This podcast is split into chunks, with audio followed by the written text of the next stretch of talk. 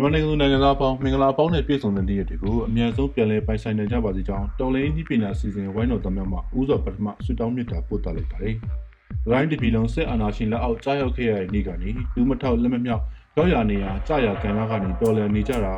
ယခုဆိုရင်တော့တနည်းနဲ့လေးလာကျော်ကလာတွေကိုတောင်ရောက်လာခဲ့ပါပြီ။ အောင်ပွဲဟာလည်းနီးတစ်ထက်နီးလာပါပြီ။ဒီလိုအောင်ပွဲတွေစီကိုတရွေ့ဖြတ်တန်းချီတက်နေတဲ့နေ့ရက်တွေထဲမှာလုံခြုံစွာဆက်သွယ်နိုင်ရေးအတွက်လုံခြုံရေးနည်းပညာဆိုင်ရာအကြောင်းအရာတွေကိုရှာဖွေတင်ဆက်ပေးနေတယ်လို့နည်းပညာလောကကြီးထဲမှာဖြစ်ပျက်ရွေ့လျားလာတဲ့အကြောင်းအရာတွေကိုလည်းနည်းပညာရပ်ဝန်းဆိုင်ရာသုတအဖြစ်ကျွန်တော်တို့ရဲ့အစီအစဉ်ပြည်သက်ကြီးကိုထိတွေ့နိုင်မှုအတွက်အလင်းအသင့်သလိုဖော်ပြပေးရရှိပါတယ်။ဒီကနေ့မှာတော့တိတ်မကြခင်ကာလက American EU အဖွဲ့ဝင်နိုင်ငံများနဲ့တခြားနိုင်ငံပေါင်း32နိုင်ငံပါဝင်လက်မှတ်ရေးထိုးခဲ့တဲ့ A Declaration for the Future of the Internet မြန်မာလိုဆိုရင်တော့ Internet အနာဂတ်ဆိုင်ရာကြီးညာစာရင်းလို့ခေါ်တွင်ရမယ်စာမျက်နှာ၃မျက်နှာပါကြီးညာစာရင်းပါအကြောင်းအရာတွေကိုလေ့လာသုံးသပ်ကြည့်ရင်လည်းလွတ်တိကဘာကြီးနဲ့မြန်မာကရောဒီကြီးညာစာရင်းပါအကြောင်းအရာတွေနဲ့ဘယ်တော့တောင်လွဲချော်နေပါလဲတကယ်ကောဒီကြီးညာစာရင်းကြီးကအလုပ်ဖြစ်ပါမလားဆိုတာကိုပြိတ္တအကြီးအတွက်အနာဂတ်ဆိုင်ရာတွေးစရာမေးစရာများအဖြစ်နဲ့ရွေးချယ်တင်ဆက်ပေးလိုက်ရပါတယ်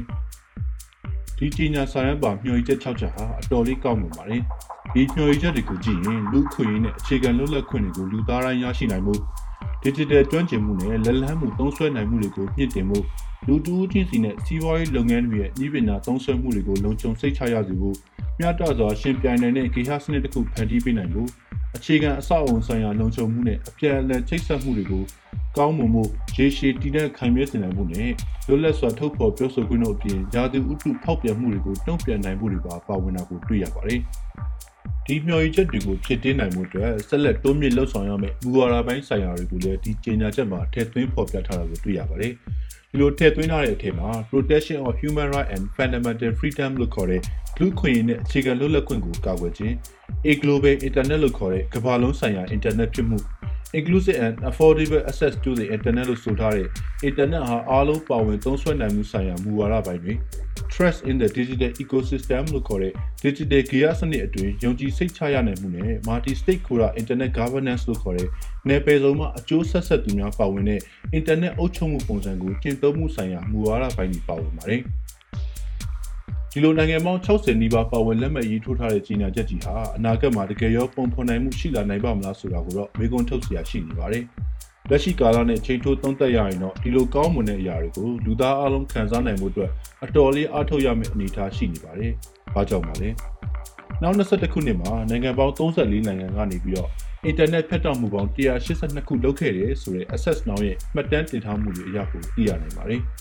ဒါဟာနောက်20ခုနှစ်အတွင်းမှာနိုင်ငံပေါင်း29နိုင်ငံကနေအင်တာနက်ဖြတ်တောက်မှုပေါင်း159ချိန်လုပ်ခဲ့တာတဲ့နိုင်ငံအရေးအတွက်ကောဖြတ်တောက်မှုအချိန်အရေးအတွက်ပါတိတာစွာများပြားလာတာကိုတွေ့ရမှာဖြစ်ပါတယ်။ဒီလိုနောက်21ခုနှစ်အင်တာနက်ဖြတ်တောက်မှုတွေကိုရည်တွက်ထားတဲ့ Access Now ရဲ့မှတ်တမ်းတင်မှုတွေထဲမှာမြန်မာနိုင်ငံတစ်ခုတည်းကနေအချိန်ရေပေါင်း15ချိန်လုပ်ခဲ့တာကိုတွေ့ရပြီးတနိုင်ငံလုံးအတိုင်းအတာနဲ့အင်တာနက်ဖြတ်တောက်ခံရမှုဟာနှစ်လခွဲနီးပါးကြာမြင့်ခဲ့တာကိုတွေ့ရပါတယ်။ ဒါဟာအစီအစဉ်ရဲ့ပြည်သက်ကြီးအပေါင်းဝင်မြန်မာနိုင်ငံအတွင်းနေထိုင်သူအလုံးမကြခင်ကာလကခံစားခဲ့ရတာဖြစ်ပြီးတော့မိမိပြောက်ပြောက်တော့အပြည့်အဝမထင်ပါဘူး။ယခုအစီအစဉ်တင်ဆက်နေတဲ့အချိန်မှာဆိုရင်တော့မြန်မာနိုင်ငံရဲ့အင်တာနက်ဖြတ်တောက်မှုဟာ15အချိန်ထက်တောင်ပိုမိုလာပါပြီ။အုပ်ချုပ်သူတွေဟာ၎င်းတို့မလိုလားတဲ့အချက်လက်တွေပြန့်နှံ့နိုင်မှုကိုထိန်းချုပ်နိုင်မှုအတွက်အင်တာနက်ဆက်သွယ်ရေးကိုလက်နက်သဖွယ်ထိန်းချုပ်ကင်တွယ်သုံးစွဲနေမှုဟာနောက်21ခုနှစ်မှာတော့ ပြန်လည်မြင့်တက်လာတာကိုကြည့်ရင်ကြီးညာစာရန်ပေါ်မူဝါဒများတွေကတစ်ခုဖြစ်တဲ့ A Global Internet နဲ့သက်ဆိုင်တဲ့မူဝါဒတွေကပထမဆုံးအချက်ဖြစ်တဲ့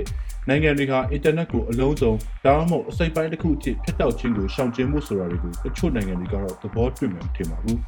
အထူးသဖြင့်အာဏာရှင်အစိုးရတွေနဲ့အာဏာရှင်တစ်ပိုင်းအစိုးရတွေဟာလူမှုရဲ့အတိတုဒတွေကိုတားဆီးထားလို့ရဆန္ဒဟာဒီကြေညာစာရန်ကိုကမ္ဘာလုံးအတိုင်းအတာနဲ့ကောင်တယ်ဖော်ရေးအတွက်တော့အဟန့်တားလို့ဆိုနိုင်ပါတယ်။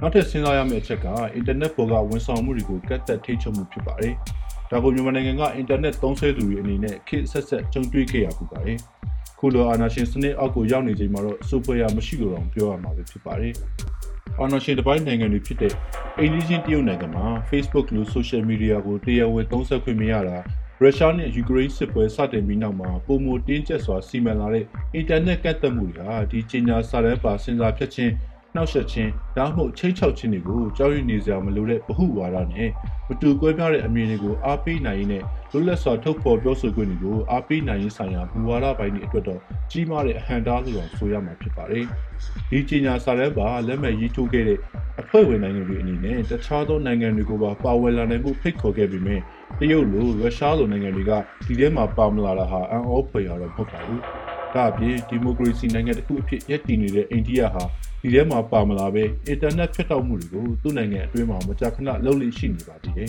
။ဒါအပြင် BRICS အဖွဲ့ဝင်နိုင်ငံတွေဖြစ်တဲ့ Brazil, Russia, India, China နဲ့ South Africa နိုင်ငံတွေကလည်းစုပေါင်းပြီးတော့အင်တာနက်သင်ထောင်မှုအကြံစီကလည်းရှိနေပါသေးတယ်။ဒီနိုင်ငံမှာနေထိုင်သူတွေဟာကမ္ဘာလူဦးရေ42ရာခိုင်နှုန်းရှိနေတော့ဒီဒဇင်ထောင်မှုစိတ်ကူးကလည်းရှော့တွက်လို့တော့မရဘူးလို့ဆိုရမှာပါ။ ဒါအပြင်ကျင်ညာချက်တစ်ခုလုံးကိုပြန်ပြီးခြုံငုံသုံးသက်ကြည့်မယ်ဆိုရင်လည်းလှုပ်ဆောင်ရတိုက်တွန်းမှုတွေပါဝင်နေပြီမဲ့အရေးပါတဲ့အရေးယူမှုတွေတော့ထည့်သွင်းဖော်ပြထားတာမတွေ့ရပါဘူး။ဒီတော့အင်တာနက်အနာဂတ်ဆိုင်ရာကြီးညာစာတမ်းပါအဖွဲ့ဝင်နိုင်ငံတွေရဲ့ညီညွတ်နိုင်စွမ်းနဲ့ digital အာဏာရှင်စနစ်ကိုထူထောင်လိုသူတွေအကြားကအနာဂတ်ပွတ်တက်မှုတွေကတော့စိတ်ဝင်စားစရာကောင်းလာမှာပါ